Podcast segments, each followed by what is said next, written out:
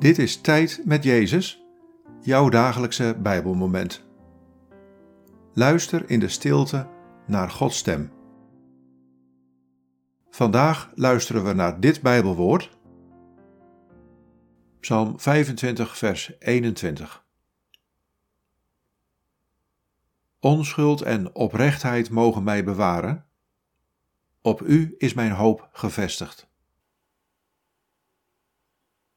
Wat valt je op aan deze woorden? Wat raakt je?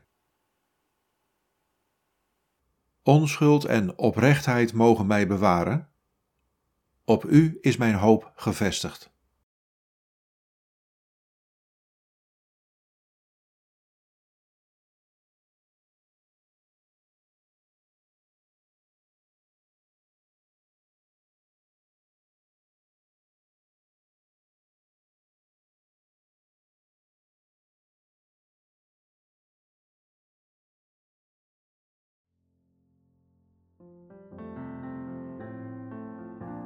Leef oprecht en eerlijk. Dat kan als je onschuld en goedheid niet in jezelf zoekt, maar bij mij. Vestig je hoop op mij.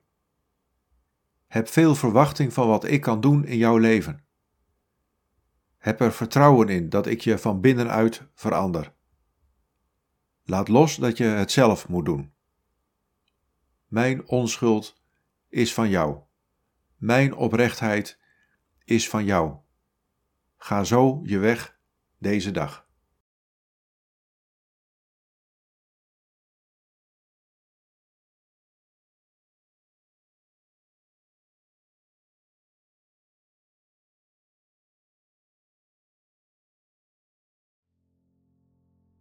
Bid deze woorden en blijf dan nog even in de stilte van Gods aanwezigheid. God, op U vestig ik mijn hoop.